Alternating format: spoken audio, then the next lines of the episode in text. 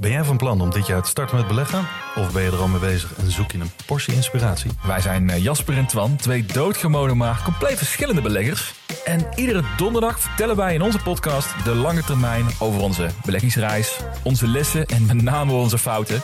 En dat allemaal op een eh, vermakelijke en een langdrempelige manier. Alsof je met ons in een kroeg staat. Met een whiskytje erbij. Lekker. Dus luister eens naar onze podcast De Lange Termijn.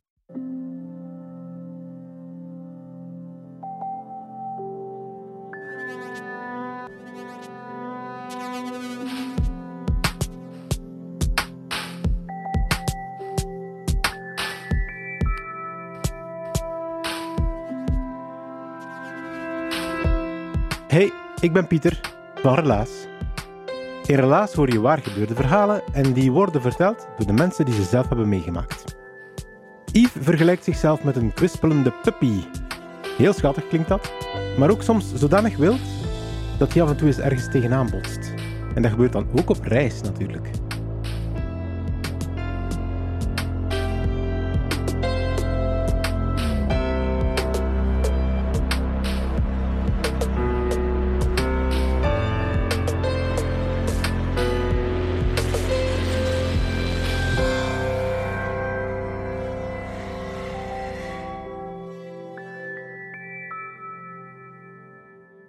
Ik zal misschien beginnen met een bekentenis.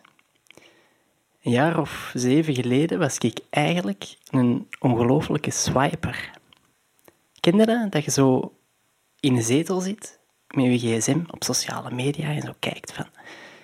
Amai, die zit hier een roadtrip te doen in Amerika. Oh, en die zit in Peru. Eén in Spanje. Amai, tof, tof, echt tof. Fuck. Ik wil dat eigenlijk ook doen. Maar ik geraakte daar niet. Ik zat vast in mijn zetel met mijn telefoon. Lastig. En laat ons eerlijk zijn, je wordt daar niet per se gelukkiger van of zo. Hè? Pas op, begrijp me niet verkeerd, ik was ook weer niet ongelukkig of zo, maar er miste zo toch wel iets. Nu, alle geluk heeft een mens soms maar een heel klein zetje nodig om een heel grote verandering door te gaan. En ik had geluk dat mijn zus mij een klein zetje gaf. Die moet al gezien hebben dat ik wel wat meer was beginnen sporten, dat ik eigenlijk wel graag buiten was. Want op een gegeven moment, op kerstavond, zei hij mij van... Zeg Yves, een huttentocht. Is dat nu niks voor u? Ik zeg alleen een huttentocht. Wat is dat nu weer? Ah ja, zegt ze, dan gaan we meerdere dagen achter elkaar wandelen in de bergen, van hut naar hut. Pas op, die hutten, dat is redelijk basic, maar je krijgt daar dan wat eten, wat drinken, er zijn andere mensen, je kunt overnachten. En ah ja, er is weinig gsm-ontvangst. Ja. Dat moet er dan wel bij pakken. Ja, een huttentocht. Dat is echt iets voor mij. Dat was direct duidelijk. Allee, ja, back to basics. Die, geen gsm, dus je kunt je op niks focussen, behalve waar zit ik mijn volgende stap. Ja, ja ik, ik moest op huttentocht, dat was toen beslist, maar ik wou dat ook weer niet alleen doen. Dus ik dacht, goed, ik ga met de Kevin, mijn goede maat, op café. Want mijn pintje is hier net iets gemakkelijker te overtuigen om mee op huttentocht te gaan, natuurlijk. Ik had gelijk een hele sales pitch voorbereid van we gaan elkaar daar extra vinden als vrienden, overdag stappen, s'avonds een goede pint, zwanzen, ja, top. En ik moet zeggen, Kevin die reageerde wel positief, maar ook weer niet bijster enthousiast of zo. Totdat ik dan zo zei van, ik heb de cash-track op het, op het oog. Dat is in Graubünden in Zwitserland. En met dat ik dat zei, zag ik zoiets fonkelen in zijn ogen. Zo. Ik denk, allee, kent hij dat of? Wie kent dat nu? En ik kende de Kevin op dat moment al tien jaar. En hij mij toch nog iets verteld wat ik nog niet wist. En dat is namelijk dat als hem ooit zou emigreren uit België, zou het wel naar Graubünden zijn, in Zwitserland. En hij zei, ah wel lief, al die argumenten van u, dat is allemaal goed en wel, hè. Maar we gaan naar Graubünden. Meer moet ik eigenlijk niet weten. We gaan op huttentocht. En met dat de Kevin dat zei, had ik zoiets van... Yes, deze is meant to be. Nu, zo'n huttentocht, daar komt toch wel het een en ander bij kijken. je hebt wel wat materiaal nodig en zo, maar we dan ook weer niet veel geld aan geven. Dus begonnen we zo te denken van, ja, oké, ik heb eigenlijk niet echt een goede regenjas. Maar dat is niks. Ik heb zo ja, een waterafstotende softshell. Um, ik doe daaraan zo een poncho van de zeeman over, zo'n doorschijnend dingetje dat je naar festivals meepakt. Daar komt dus geen water door. Top, dan ben ik beschermd.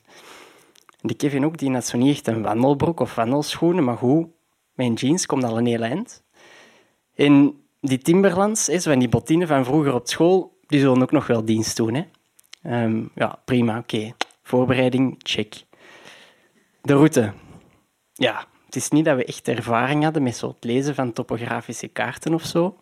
Geen probleem, we waren keigoed voorbereid. We hadden online dus een overzicht gevonden van welke pijltjes we moesten volgen, welke ja, kenmerken dat we in het oog moesten houden enzovoort. Dus ik had dat afgedrukt en dat papiertje, dat zou dan onze gids zijn. In orde. Juist nog een probleempje. Als ik s'avonds niet heb gelezen in een boek, kan ik niet slapen. In de volgende boek op mijn lijstje was het lievelingsboek van mijn oma, een kloefer van 1200 bladzijden. Echt, ja. Ik zal hier nou maar meepakken. Hè. Dan heb tenminste genoeg lectuur. Het is wel wat zwaarder, maar hey, ik ben jong. Ik krijg dat nog wel mee den berg over. In orde. Allee, goed, uiteindelijk hadden ze nog duizend en één dingen bij. Je kunt zo zot niet bedenken. We waren op alles voorbereid. We hadden twee van die grote wandelrugzakjes, 70 liter. Dat zijn al goede kloefers. Allee, daar kon ons echt niks overkomen. Dus, op een gegeven dag is het dan zover. Hè? Die twee rugzakken in de auto. En wij gingen op weg naar Zwitserland. Nu, heel die route daar naartoe, dat was echt ene grote crescendo. Dat begon eigenlijk al met de lunch. Um, die was voorbereid door mijn vriendin. Uh, die had als verrassing verse pistoletjes, een kaasje, een salamieke, een reep chocolade, een ijskoffie, alles erop en daaraan. Ja, terwijl wij daar lekker zitten te smikkelen, verwachtingsvol naar ons bergen, uh, zie je ook onderweg zo de, de landschappen langs de autostrade mooier en mooier worden. Echt, dat is zo... Ja, dan komt er zo helemaal in. En op een gegeven moment, en dat zo vrij plots, zie je zo ineens de bergen. Oh, daar gaan wij ons vakantie doen. Daar gaat het gebeuren. Oh, zie, Kevin, daar is precies nog een, een toefje ijs bovenop die berg. Een toefje sneeuw. Amai, dat is. Zalig. We zijn er bijna. Ja, op een gegeven moment wordt die autostrade wordt dat dan zo een bergwegje. Hè? En dan gaat dat zo kronkelend door, tussen de bergen door. En dat wegje dat bracht ons uiteindelijk bij ons hotelletje. Um, zo een schoon houten chaletje met bloemetjes buiten. Um, ja, echt kei charmant. Een beetje stoffig. Al ja, authentiek. Um, daar was dan ook een, een, een, heel gezellig restaurant bij met traditionele gerechten, goed gegeten, goed geslapen. Dat was echt allemaal top, top, top. Een dag daarna was het dan zover. Onze eerste wandeldag. Nu, voordat we konden starten, moesten we eerst zo met een trein in de bus tot aan het startpunt van de wandeling. En dan zouden we in drie dagen terugwandelen tot waar we dan eh, hadden overnacht. De trein in de bus.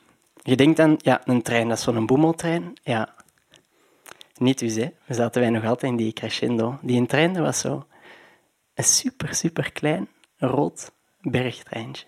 Zo echt zo'n dingetje dat je zo alleen in de boekjes ziet. Maar dat is dus echt, hè. En wij moesten daarin. Oh, zalig, echt. En dat treintje bracht ons dan zo op mee tot het busstation.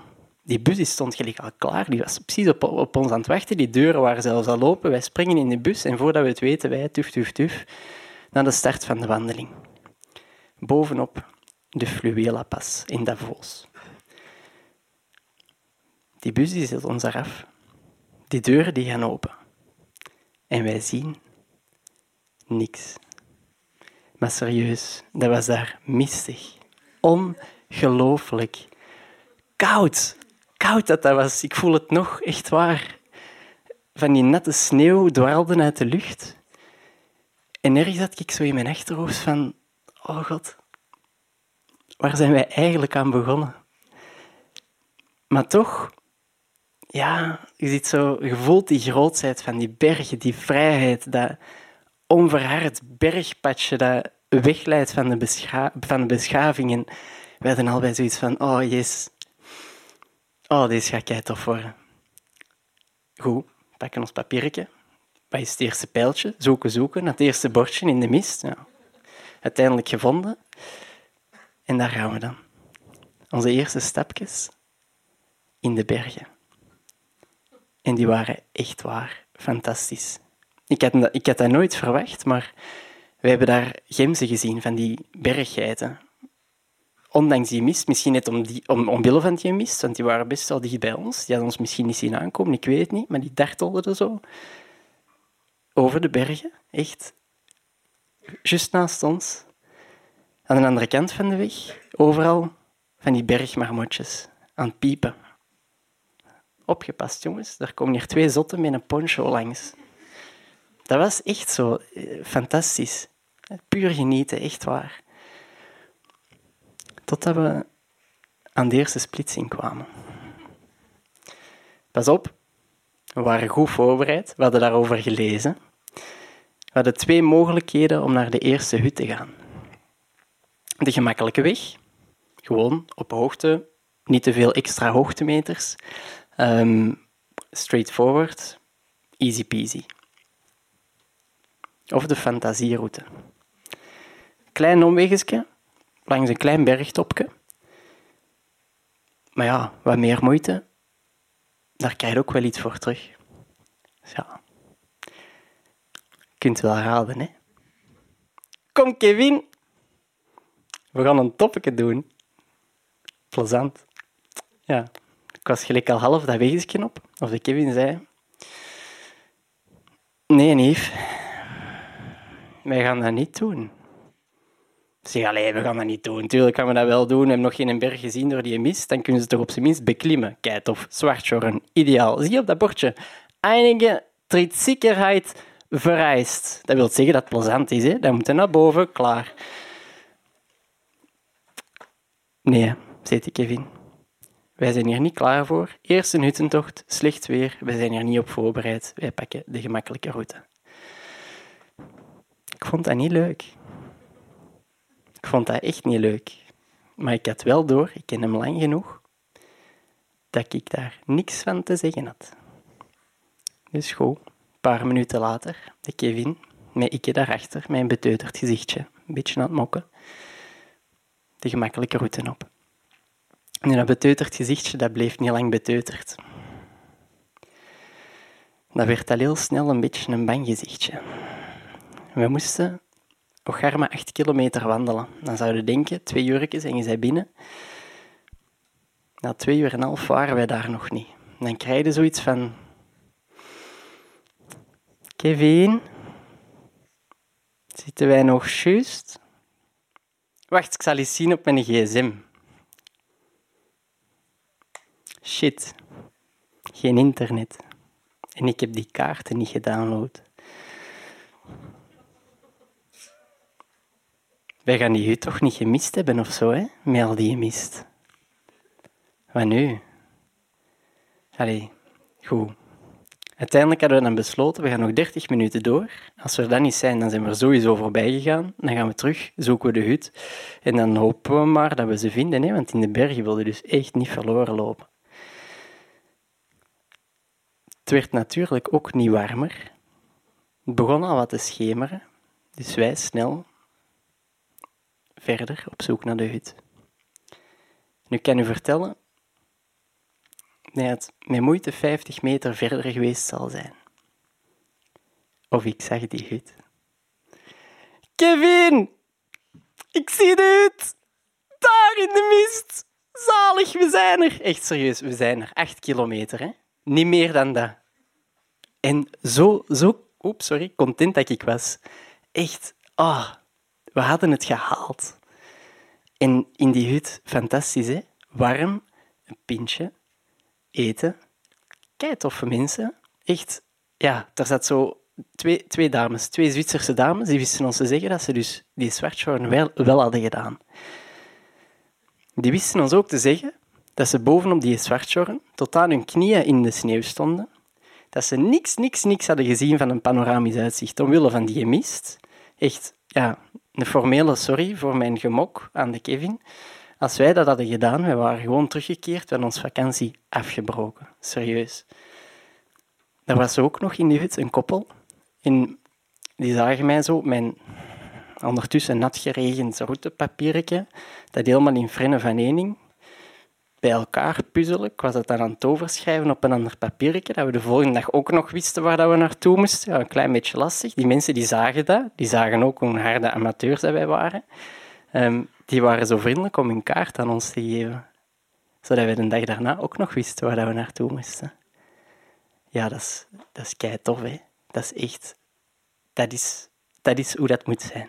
Super plezant. Nu, we merkten zelf ook wel na verloop van tijd, toen harde beginners dat we waren, um, waar dat ik op een gegeven moment mijn kloefer van een boek bovenal, zag ik zo andere mensen met een e-reader of met zo'n dwarslier, zo'n boekje op bijbelpapier. Hè.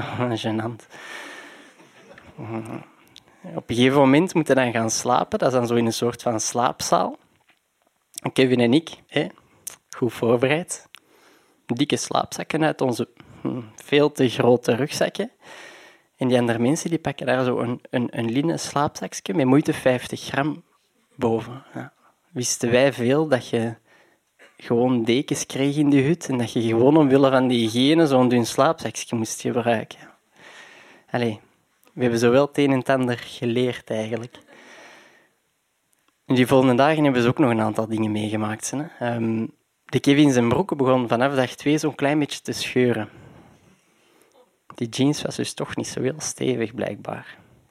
Vanaf dag drie zaten daar meer gaten in zijn broek dan dat er nog stof aan zat. Je kon gewoon los door zijn broek, zijn onderbroek zien. Echt waar. Um, zijn schoenen ook. Oh, nog nooit meegemaakt. En hij dat dan juist in de bergen. Hè? Die zijn zolen begonnen los te komen. Lastig. Echt, die zolen die beginnen zo te flapperen. Je kunt daar niet meer op wandelen gestruikeld alleen nog maar. We hadden wel in die rugzak met allemaal grief touwtjes bij. Dus wij, MacGyver-gewijs, geprobeerd om die zolen vast te binden aan die schoenen, zodat het toch nog verder kon. Je moet dat eens proberen, dat gaat niet. Dat gaat echt niet. Maar goed, het was gelukkig maar drie dagen. We hebben het gehaald en ik moet zeggen, dat was echt, echt de ervaring van mijn leven. Dat, is zoiets best klein, best onnozel, maar dat heeft echt, echt mijn leven veranderd. Vanaf dan hebben de Kevin en ik elk jaar een huttentocht gedaan. Ik zal zelfs meer zeggen. Ik ben die persoon nu die van die toffe foto's op Instagram en Facebook post. Ik, hè? Niet meer in de zetels, hè? Ik moet wel zeggen, ik ben ook wel een beetje zo zot geweest om dan te denken van, ja, als ik deze nu zo fantastisch vind, moet ik kan daar mensen toch ook helpen om zo'n dingen te doen. Dus ik ben zelfs met een website gestart om al die reisplannen en tips en tricks te delen met andere mensen, zodat die ook gemakkelijk uit hun zetel geraken. En dat je denkt, ja, het gaat echt niet zotter worden dan dat. Ik ben zelfs zo zot geweest om er mijn zelfstandig bijberoep van te maken. Maar dat is misschien eens een verhaal voor een andere keer.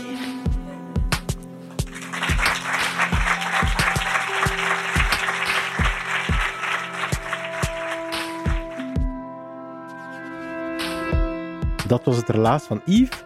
Hij heeft het verteld in het Bos. Dat is een artistiek huis ergens in Antwerpen, centrum. Als je binnenkort nog eens in de zetel ligt, zoals Yves in het begin van zijn relaas, swipend en jaloers aan het zuchten van oh, zo mooi dat het daar is en anderen hebben het zoveel beter dan ik. Weet je, dan heb je maar een klein zetje nodig. Hè? Voor je het weet wandel je van hut naar hut naar hut in de bergen, ergens aan de andere kant van de wereld. Het kan allemaal. Gewoon dat klein zetje nodig.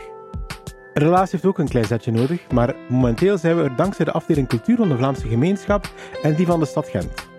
En ook dankzij een hele groep vrijwilligers die elke maand opnieuw vertelavonden organiseren in Gent, Antwerpen en Brugge. En sinds kort kunnen we ook zeggen, relatie is er ook echt dankzij jullie, onze luisteraars. We, geven namen, hè? Eva, Diane, Juliette. Jullie zijn onlangs vriend van de show geworden. En ik wil jullie daar hier persoonlijk voor bedanken in deze podcast. Dankzij jullie giften kunnen wij doen en blijven doen wat we nu al zeven jaar lang elke week tot bij jou brengen. Een waar gebeurd verhaal, verteld door de mensen die ze zelf hebben meegemaakt. Dus, en ik ga het nog eens zeggen, Eva, Diane, Juliette, jullie zijn super bedankt voor jullie giften op Vriend van de Show. En als jij als luisteraar onze podcast ook mee wil ondersteunen, het is echt nodig, Onder elk relaasverhaal op onze website vind je een knop en daar kan je vriend van de show worden. En dan kan je een eenmalig bedrag geven, een maandelijks bedrag geven, een jaarlijks bedrag geven. Wat jou het best uitkomt en wat je ook kan missen. Want niet iedereen kan hetzelfde missen en dat vinden wij helemaal oké. Maar momenteel zijn podcasts gratis voor iedereen en dat kan niet blijven duren. Als je zelf een relaasverhaal hebt, laat het ons dan zeker weten via onze website. Wij hebben daar een formuliertje voor. Als we denken dat een verhaal de moeite is, het verhaal dat je dan hebt achtergelaten via dat formuliertje, dan nemen wij contact met jou op en dan krijg je een relaascoach toegewezen, een van onze vrijwilligers. En dat is een nieuwe vriend van jou die dan stap voor stap jouw verhaal zal omzetten tot een echt relaas. En als het helemaal klaar is om op een podium te brengen, in Gent, Antwerpen of Brugge, dan laat die relaascoach jou achter op het podium. Die zal met een knipoog nog op de eerste rij zitten kijken. Maar dan is het helemaal aan jou om jouw relaas te brengen. En als we het echt tof vinden, dan brengen we het ook op onze podcast. Dankjewel om te luisteren en tot een volgende relaas.